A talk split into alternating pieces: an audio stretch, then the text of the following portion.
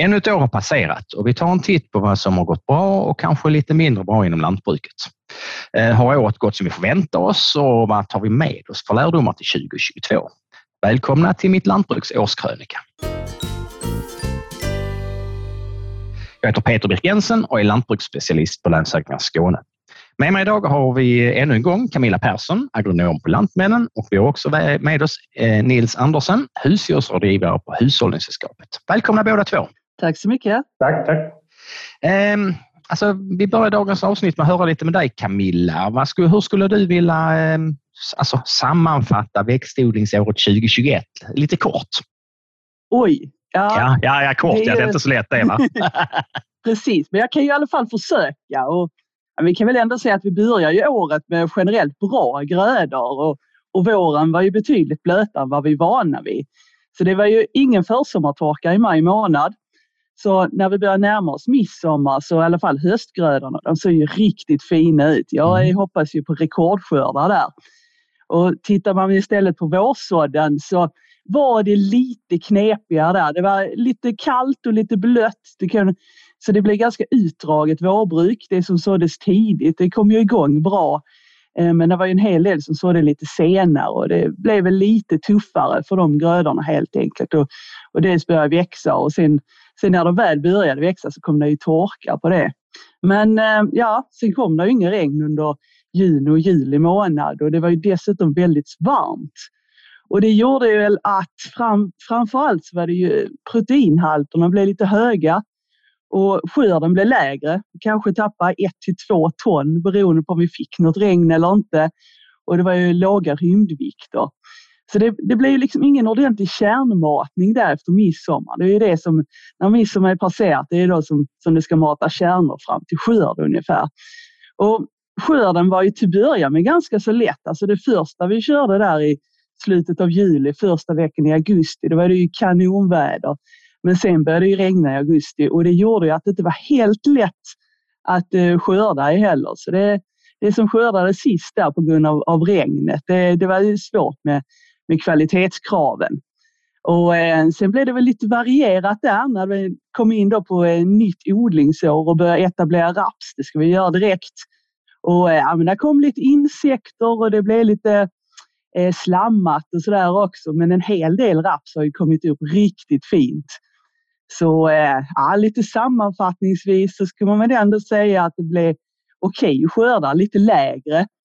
Och eh, man kan väl också egentligen nämna lite det som händer efter skörden då. Att då steg priserna på, ja, på gödningen, det har vi ju uppmärksammat, men ganska mycket också på eh, grödorna för avsalu. Ja, men då så, då man kan konstatera sammanfattningsvis att midsommar brukar det alltid regna, men det gjorde det inte i år och det var en attans otur. Det hade gjort några ton till. Ja, definitivt. Ja, så, så. Om vi går över till dig Nils eh Eh, och ställer frågor till dig. Hur skulle du vilja sammanfatta animalieproduktionen under, under 2021? Ja, alltså jag skulle egentligen vilja eh, koppla an på Camillas där, på grovfoderskördarna. Eh, att det, var ju, det var hyfsat bra, men det var, blev ju torrt juni, juli. Men första skördarna blev ju väldigt bra och sen fick vi väldigt bra skördar i, i tredje skörden. Eh, andra skörden blev rätt dålig på många ställen. Men sammantaget fick många väldigt bra eh, skördar och bra värden också, de som var tidigt ute, speciellt de som körde fyrskördesystem. Så grovfoderskördarna måste vi ändå säga var i, Skåne, i ett Skåneperspektiv ganska bra. Alltså. Prismässigt, det kommer vi kanske in på senare, så har ju noteringarna ändå varit hyfsat på, på husdjurssidan eh, det här året. Man vill alltid ha mer, men, men det är ändå både på gris och mjölksidan hängt med hyfsat bra. Men det kan vi vända tillbaks till. Eh, sen är det ju det här med, med foderpriserna nu här på hösten som kommer att påverka lönsamheten på sluttampen här. Men, men som helhet tror jag det kommer att påverka mer 2022 än 2021. Så, så det, det, ser hyfsat bra ut tycker jag ändå här på husdjurssidan. En, en, fråga eh, från en, en skåning som knappt har sett ett, en ko på vykort. Lyckas vi få fram generellt sett bättre kvalitet näringsmässigt på grovfoder i Skåne eller i Norrland. Och då tänker jag på de långa soltimmarna som är uppe i Norrland. Om vi nu har optimala foder, äh, väderbetingelser i övrigt med regn etc. Är det någon skillnad? Ja, men det är det ju faktiskt. Det är ju ändå täta mellan skördarna och de har höga mm. sockerhalter i, i norr. Men de, där är ju ballväxterna hinner nästan knappt med det. Så egentligen i Skåne så har vi i alla fall i i de senare skördarna möjlighet för att få höga råproteinvärden. Ja, ja. Under baljväxterna, ja just det. Det tänkte jag inte och kan man då, Och kan man då mixa, blanda mm. en hög energivärde från en första skörd med en, en, en tre fjärde skörds högproteinball så, så blir det oftast bra. Ja. Det är mixervagn som gäller alltså? Det är mycket viktigt här, eh, tycker jag. Alltså det finns nästan inom all mjölkproduktion. Nej eh, nu för tiden. Och sen, sen, kan man säga, om man ska vara beten, i alla fall de som håller på med köttproduktion och, och även på mjölksidan, de som betar, så har det varit väldigt trevligt här sen sommaren. Det var ju tufft mm. i, i sommaren där på den här torkan som nämndes, men, men kom väldigt fin bete i augusti-september som gav mycket mjölk faktiskt och också tillväxt på ungdjuren. Om vi går tillbaka till dig Camilla, alltså om vi djupdyker lite grann i växlingsöra. Vilka grödor har gett bra resultat och vilka har det gett dåligt? Och är det något som vi har förvånat oss över eller som vi kan dra lärdom till nästa år? Vad säger du? Ja, men man kan säga generellt så har höstgrödorna, alltså spannmål och raps, gått betydligt bättre än vårsäden. Och, ja, men det fanns helt enkelt för lite vatten för att kornet skulle prestera riktigt bra. Sen har vi ju sockerbetorna och ja, men de tål ju torka, framförallt tidigt på säsongen, betydligt bättre. Så det är möjligtvis att de växte lite långsamt där i, i maj och, och juni månad. Men ja, det, sen är det ju alltid svårt att förutsäga vädret. Alltså just när vi ska dra, dra lärdomar varje mm. år så kan man ju lära sig någonting. Men, men nästa år är inte det andra likt, nej. Precis, men möjligtvis att vi kanske ska jobba ännu mer med delade kvävegivor och, mm. och faktiskt våga eh, hålla upp om vi, om vi ser att det är torka och kanske våga köra senare på spannmålen. Um, men uh, ja, det är väl mm. någonting som vi får prova mer helt enkelt. Mm. Och sen har vi ju tidigare på, i de här programmen så tror jag vi diskuterat lite sådär bevattningsdammar. Det, det ja. kan ju faktiskt vara jätteintressant i vissa områden. Och, eh, och, det är väl inte heller någonting nytt, men alltså dränering ser vi ju nu i höst däremot. Att eh, det är kanske inte helt fel att sitta och räkna på dräneringskalkyler här i mellandagarna faktiskt. alltså, vad, vad, kostar det att dränera om ett hektar? Mellan tummen och pekfingret? 20-25 000 en total täckdikning eh, per hektar? Ja, eller? ja det ligger väl där runt ja. omkring. Mm. Alltså, beroende då om man kan köra plog eller eller vilken teknik man, man kan man använda. använder. Ja, just det. Om det ska i brunnar och ja, lite svårare grejer som ska kopplas in och så. Men, om det går fiberkablar kors och tvärs över, ja, lite sådana små precis, detaljer. Precis, det ja. är bara att gräva igenom. ja, ja. Det, ja, men det är värre när det är tvärtom tror jag faktiskt. Man har lagt sin nya dränering och sen kommer de och ska lägga fiberkabel. Så kommer de och turbulerar, ja precis. Ja. Jo, så är det. Hur ser prognosen ut för det höstsådda tycker du? Men jag tycker väl ändå att, att det ser bra ut. Mm. Det är ju rekordmycket höstrapsått. Ja. Som jag sa, det var väl någon eh, skifte som inte blev helt hundra. Men, men å andra sidan är ju raps duktigt på att kompensera. En 20 plantor så kan man ju ändå ta bra skörd om man har mm. det på våren. Och sen är det ju så stora arealer höstsäd också. Så eh, det som möjligtvis kan ställa till det, det är att det står vatten i, i en hel del fält. Mm. Och, ehm, ja, men spannmål klarar ju någon vecka, men rapsen tar ju stryk redan efter en vecka med, med stående vatten. Så det är ehm, möjligtvis, det var lite svårt att komma ut och göra en del ogräsbehandlingar och köra mangan. Mm. Um, och eh, ja, då får vi väl se vad vi kan göra till våren. Framförallt så är det att komma ut tidigt. Och manganen är ju lite kärvare faktiskt. Framförallt höstkorn behöver ju mangan och det tror jag är kört också. Men, men det är även spannmål, alltså Höstveten behöver också ofta mangan. Det ser vi ofta på våren. Men det är väl mer att man tappar lite i skördepotentialen om man inte fått ut mangan där på hösten. Men, men generellt bra. Vi, mm. vi, vi har bra förutsättningar. Blir mikronäringsämnen viktigare och viktigare? Blir man noggrannare och noggrannare? Förstår du hur jag tänker? Ja, alltså jag tror ju högre skördar man tar, ju Mm. viktigare är det att tillsätta mikronäring. För där, Mm. där finns ju ändå en hel del i marken och vi har de här biologiska systemen och nedbrytning. Men, men det räcker kanske till, till 7-8 ton höstvete och är vi då uppe i 10 som en del tar 12 eh, ton höstvete, man brukar snacka om det på byn i alla fall, då är, behöver man säkert lite, höst, lite mer mikronäring faktiskt. För då räcker inte det som finns i marken här. Har det dykt upp några skadegörare eller ogräs i år som vi inte sett tidigare? Och kommer de i så fall att fortsätta till nästa år? Eller det är det är ungefär samma, samma gäng som kivar?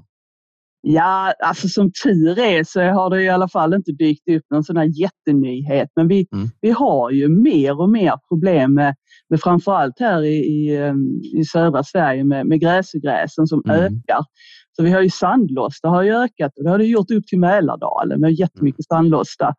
Och hönshirs börjar ju komma som är ett större ogräs, alltså det här vårgroende Mm. eh, gräsgräset. Och sen eh, renkavle kan vi ju tjata oss trötta på, men det, Mm. det fortsätter ju också. Sen, Mm. Ja, och eh, annars om man ser insektssidan så är det väl inga nya insekter, men däremot så blir det ju färre produkter att bekämpa Mm. med dem till nästa år. Och, och det tror jag kan faktiskt ställa till det. Mm, vi kommer tillbaka till det om en liten stund. där. Hur är det på svamperisidan? Eh, Har, eh, är det något, någonting eh, som har spökat eller som vi ser? Alltså, jag tänker om, då, jag tänker om vi ska plöja mindre till exempel, om det är den diskussionen, att vi får mer svamp eller inte mer svamp, sjukdomar etc. Ja, alltså just i år så har vi ju faktiskt rätt så lite svamp. Det var Mm. mycket till att börja med. Då, då var det mjöldagg och, och, och lite sånt här i höstkornet. Men, men sen när vi fick, eh, ja det blev väl eh, sommartorka då, när det inte är försommartorka, Mm. då torkar ju det mesta in. Ja, så vi har ja. ju faktiskt ett år med väldigt lite svamp. Men ja, jordbearbetningssystem och sånt där, det påverkar ju till viss del. Så sår du mycket spannmål efter spannmål så är det ju en fördel att plöja för just minska svamptrycket i alla fall. Ja, just det. Nya produkter inom gödning och växtskydd som lantbrukarna bör nys om. Ja, alltså det har ju Du, du, inga... du brukar ju gå i vänsterspinn i lyckan när jag tar upp en sån fråga. Ja, precis, precis. Det här jobbar jag ju mycket med. Ju. Ja. Men eh, så det ser ut nu så har vi då inget revolutionerande nytt till Mm. nästa år utan det vi, vi håller på med nu på Lantmännen det är ju finslipa våra strategier nu till nästa Mm. år. Ehm, och, och det gör alltså lite mindre justeringar helt enkelt. Och vi justerar ju även våra mikronäringsprodukter till att ja, fungera ännu bättre helt enkelt. Det som eventuellt kan bli någon nyhet, det vet jag inte riktigt om, om det kommer komma ut på marknaden här, men det, vi jobbar ju även med några biologiska produkter. Ehm, och det hade ju varit eh, jätteintressant om, om vi kunde få bra resultat på dem. Men, ja, Alltså inte, inte, inte enbart betningsprodukter då alltså, utan nej, även... precis, nej, nej. precis. Mm. De har Mm. vi ju redan. Mm. Ehm, och det är, det är egentligen termosid, det är ju den största grejen och det är Mm. egentligen en steriliseringsmetod. Men, men, eh, ja, men det är väl några produkter här som, som eh, eventuellt ska vara lite plantstärkande och sånt som Mm. eh, möjligtvis motverkar svamp. Så vi, vi får se vad som dyker upp här i vår helt enkelt i produktportföljen. Annars är det kanske två år framåt. Ja, ja, spännande. Vad var det, vad det sockerbetsskörden? Är det något speciellt som har hänt där eller har de ställt till med någonting? Förutom de kanske varit besvärliga FOPar nu de sista, sista veckorna. Ja, precis. Men det är ju betor alltid vid Ja, den här ja. tiden. De ska ju vara uppe till Mårten. Det är ju sedan gammalt. Liksom. Ja, just det. 10 november där. Mm. Men det, och det stämmer ju fortfarande rätt mycket. Men när man ser det förr i tiden så var det ju för att det var kallt sen. Och nu så handlar det istället om att det brukar faktiskt regna ganska mycket i november Mm. månad. Så det är svårt att få upp dem. Men, men man kan väl ändå säga att eh, det var väl lite problem i början. Det var lite trippskador på någon fält och det var som vi var inne på, det var utdragen sådd och växte inte ordentligt. Men sen växte de ju jättebra. Och när det kom regn i augusti då, då hände det mycket. Och sen under hela hösten som jag förstår så har liksom sockerhalten faktiskt ökat. Och prognosen nu ligger faktiskt på att vi tar ungefär 5 ton eh, mer betor än eh, Mm. snittskörden. Då. Så det, är- det, är- Oh, ja. Och det är höga sockerhalter. Så, Mm. så eh, generellt sett så är det ett jättebra sockerbetsår. Ja. Ehm, har fabrikerna rullat vettigt i år? Det- Jag har inte hört något annat i alla fall. Nej, precis. När man inte hör något, då, då fungerar det. Ja, just det. Jag ringde och frågade dem igår också. Jag tänkte jag får ha den senaste informationen här. Mm. Men, men de är väldigt nöjda med, med fabriken. Det har väl varit någon mindre grejer, men inte alls som, som de två tidigare åren, utan det, mm. det har flutit på riktigt bra faktiskt. Mm, ja. Jag hörde att det hade blivit någon fnurr på appen som eh, när man skulle lever, få leveranstider och dylikt. Så att eh, det, det har jag hört rykta, ryktas om. Så att folk har täckt av och så skulle det inte hämtas etc. Så fick de täcka på igen. Det, så, men ja, allt kan gå åt fanders som det vill sig. Det här med att vi, alltså som man säger, konsumenten äter mindre socker, är det någonting man det hör man talas om då om man ska äta mindre socker. Så är sockerskatten något som man är orolig för inom lantbruket? Är det någonting du hör talas om? Eller? Nej, jag tror inte vi diskuterar så mycket sockerskatt faktiskt. Nej, vi är inte nära på den. Men, nej. nej, men man kan ju i alla fall se att sockerkonsumtionen minskar ju faktiskt inte i landet utan eh, vi är ju ganska glada för att äta socker och mm. framförallt nu till jul tror jag. Ja. Men eh, man kan ju jämföra med, med danskarna som har sockerskatt, mm. att det minskar ju inte där heller. Möjligtvis det är fler som kör över bron och handlar godis här. Mm. Det, det, skulle vara det. Alltså, så. Du, ehm, alltså priserna till nästa år, vad, vad har, vi för någon, har vi någon tes, tes om det? Vad man ser både på avsalupriser och givetvis, eh, ja, vi kommer, kommer nog att prata lite mer sen om, om, om, eh, om eh, produkterna eller våra förnödenheter som vi köper till. Men, men hur ser pris, pris, prisbilden ut framöver? Har du hört någonting ja. eller sett någonting? Du tänker alla grödor nu eller? Ja, jag tänkte lite allmänt som så. så att, har du ja, någon trendspaning? Att nej, vi, vi kommer att dricka mer öl, maltpriset går upp eller? precis, precis. Det är mycket fotboll nu liksom. Ja. Um, Nej, men man kan väl säga att eh, priserna har gått upp här under hela hösten och det är väl först de, de sista veckorna här som, som det har legat lite mer stilla och det mm. gäller ju både då spannmål, raps och mm. eh, ja, även gödning då som mm. Eh, jag tror inte gödningen faktiskt har nått något tak, men, men just nu så ligger det allting faktiskt på lite stabilare nivå. Mm. Och, och tittar man då till nästa år så rekommenderar jag ju faktiskt att att eh, köper man gödning nu att man faktiskt säljer lite av, av sin planerade gröda också för, för att eh, sprida riskerna helt mm. enkelt. Och vi vet inte hur priserna är till våren. Eh, vi har ju rekordhöga priser men det är egentligen inget som säger att vi har nått någon högsta nivå utan det beror mycket på vad som händer i Europa här nu i vår också. Mm. Och, eh, ja, men hur, hur grödorna kommer igång och och eh, hur mycket som vårsås och så, och så vidare. Så det, det här är egentligen det svåraste att förutse. Mm. Det är ännu värre än vädret. Liksom. Hur, kommer, hur kommer spannmålspriset vara i skörd? Det, Ja, vi ser vad som händer. Om vi vänder oss mer mot djurhanteringen, Nils. Alltså, hur ser framtiden ut inom djurhanteringen? Har det, alltså, det dykt upp några nya nischer eller någonting sånt? Alltså, lamer och struts och sånt har ju varit uppe på tapeten ibland, men något annat spännande som har dykt upp? Dam och struts, jag, jag, är lite dålig på dem. Jag har faktiskt inte hört att det är riktig fart i dem. Nej, jag tror inte det heller. Du, så att, eh. Men, eh, nej, alltså det, det som, jag jobbar ju en del med mjölken och sådär och det som diskuteras mm. ibland det är ju eh, gräsmjölk faktiskt. Mm. Det händer något mejeri som är nappat på det här nu i Sverige, men, men det här, jag vet det, det pågår diskussioner om vissa lantbrukare som är intresserade av det här. Och det, det... Alltså gräsmjölk, vi hoppar över kon? Nej, nej, nej. kon får bara gräs. Bara gräs? Okej, okay, Inget kraftfoder. Man utnyttjar nej, kon nej. som hon egentligen är skapad till och äter gräs. Och, mm. och då, då, då får man ju en lägre produktion, men man får en produkt som liksom kan säga att kon utnyttja sin maximala potential. Hon, ja. så, och för det är hon ju skapad till. Så det är väl någon, men det är ingen mejeri som riktigt har tagit det nu. Det finns ju ett danskt mejeri som kör det här Tise mejeri, mm. hela det som, eh, som har lyckats. Det är bara några få lantbrukare, men, men ska, det, det har liksom diskuterats i vissa kretsar här också.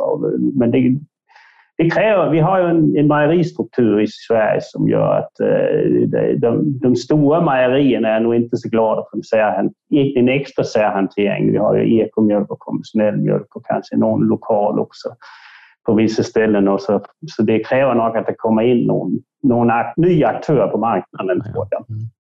Är det fler eh, mejerier i eh, Danmark? Ja, det är, det är det faktiskt. Eh, mm. Det är lite min, flera små mejerier, men det är, jag har inte siffrorna i huvudet. Men, men det är ju flera nej, som det... har nischat sig, kan man säga. Mm. mot en marknad, alla är marknadsledande både i Sverige och Danmark.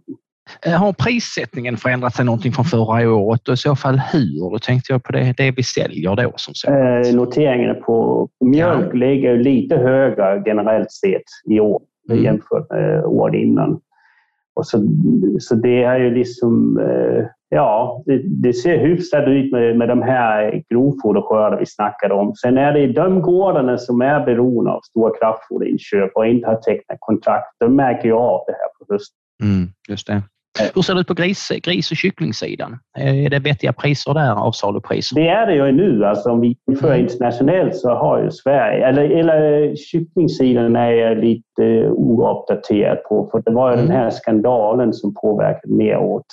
Yep. Eh, och där, de har det nog lite kärvt. Men grissidan har ju alltså, stått emot kan man säga om man jämför med resten i Europa. Liksom, Sverige ligger bra, jag kommer inte exakt på, men det är några kronor över den danska noteringen. Ja. Och det, det, är ju hemmamarknaden som har gått starkt. Eh, och, och det ju, kopplar ju nog till...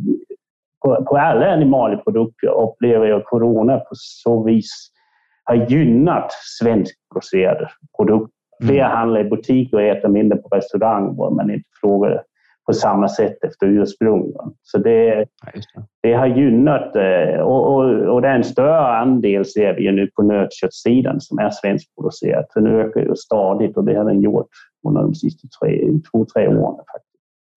Mm, den här frågan kan vara mer passande för båda parter. Alltså vilka konsekvenser har dykt upp av att eh, alltså insatsvaror och diesel har blivit dyrare? Om vi fortsätter med dig först, eh, Nils.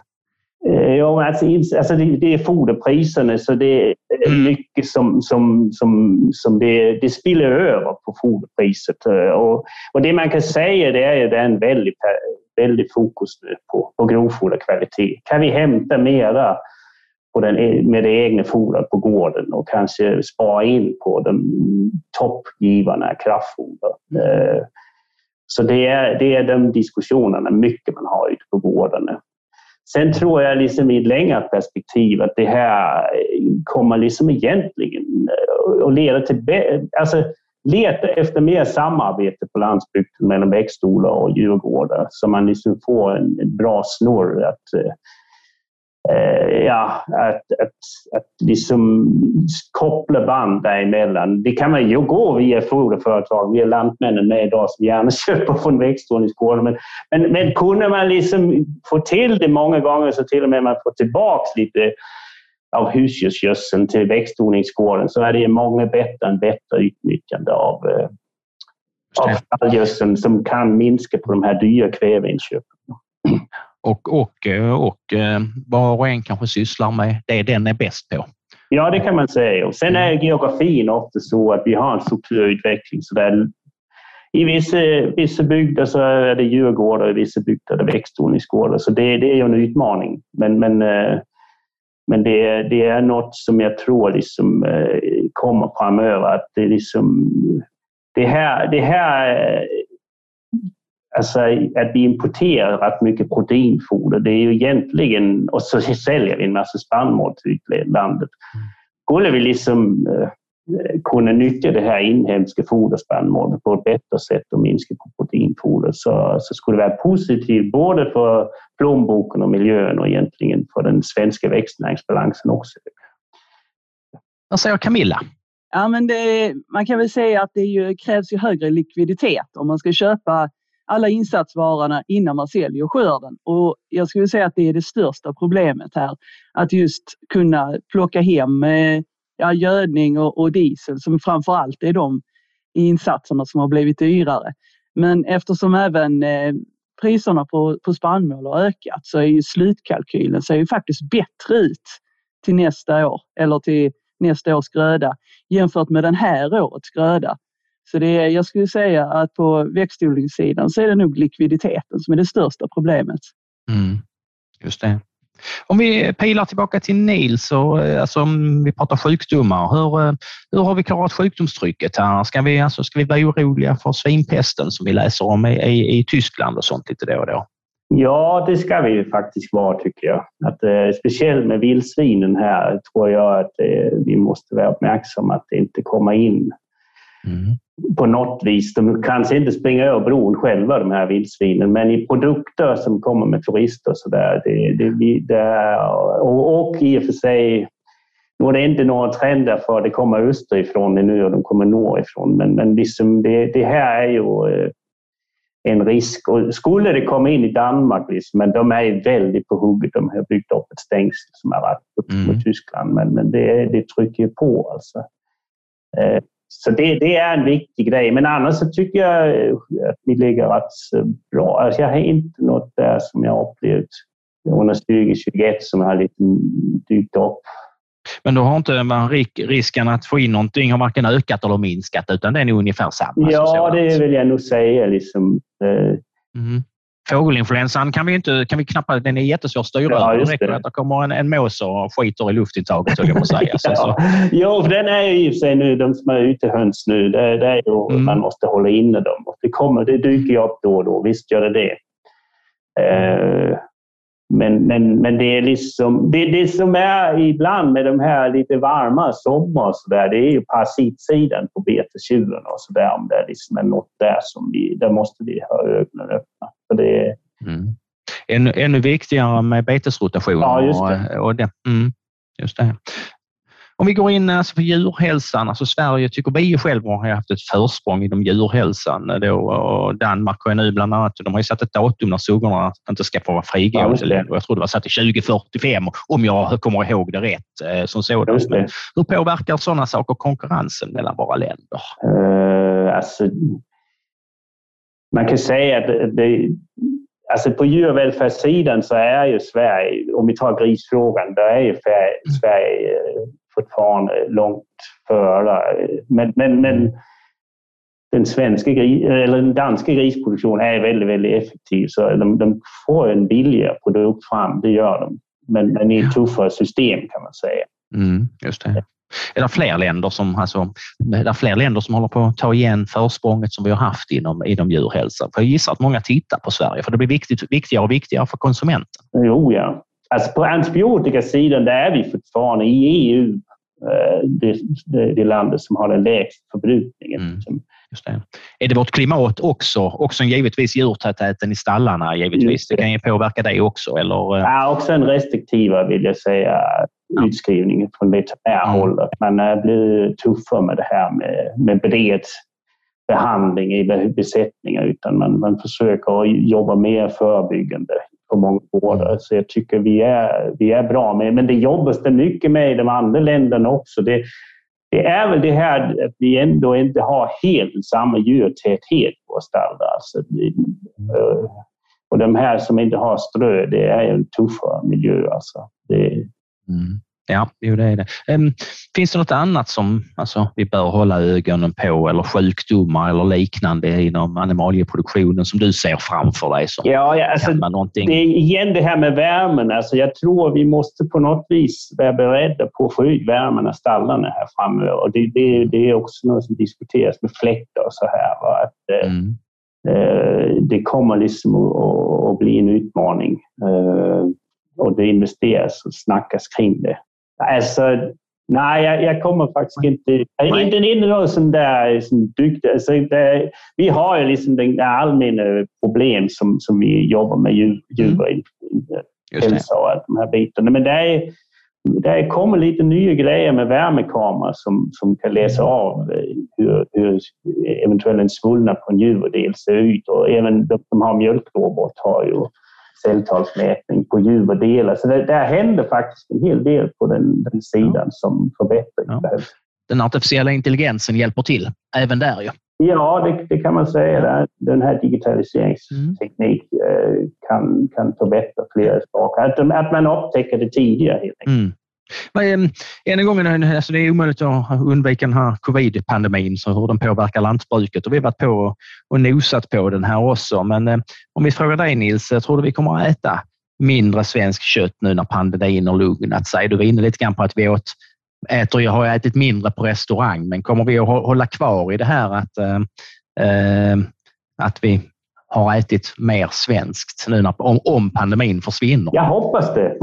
ja, ja, vi hoppas alla det. ja, så att, uh... Jag tycker faktiskt att det här, man kan säga den här krismedvetenheten har ju, alltså om man ska säga något positivt om coronan så är det kanske mm. den här krismedvetenheten ändå har ökat och att man har liksom fått en större fokus på vad, vad matproduktionen Eh, betyder för i Sverige. Var man liksom tidigare bara sagt att vi köper bara det här om vi inte har ett svenskt jordbruk. Jag tycker ändå där liksom eh, sker en förändring. Sen, sen tror jag att det här som faktiskt är ett tilltag av restaurangerna ska börja just, ursprungsmärka mm.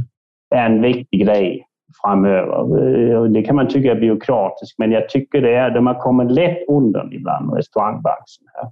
Ja, så jag ställer ju frågan eh, många gånger när jag är på det humöret, när jag står och, och tar de och tvekar en hundradel sekund om det är svenskt eller inte svenskt, då vet jag att det inte är svenskt i alla fall på svaret. Så att, eh, det, är... vad, säger, vad säger Camilla? Vad säger du eh, om, om kommer de svenska produkterna? Kommer det hålla i sig?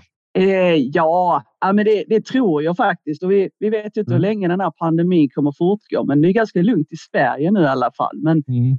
men alltså, jag tror ändå att, att man har liksom ser de här mervärdena för dels lokalproducerade livsmedel och även andra varor från jordbruket. Och sen, vi var inne på det innan också, antibiotikaanvändningen är lägre i Sverige och det är ju någonting som även har rört sig utanför den här bubblan med oss som är inne i, i lantbruket. Att, att eh, även andra personer vet om det här. Mm. Eh, så, så, jag tror nog att det, eh, det kommer fortsätta, att vi, vi ser mervärdet i lokalproducerade varor. Ja, just det.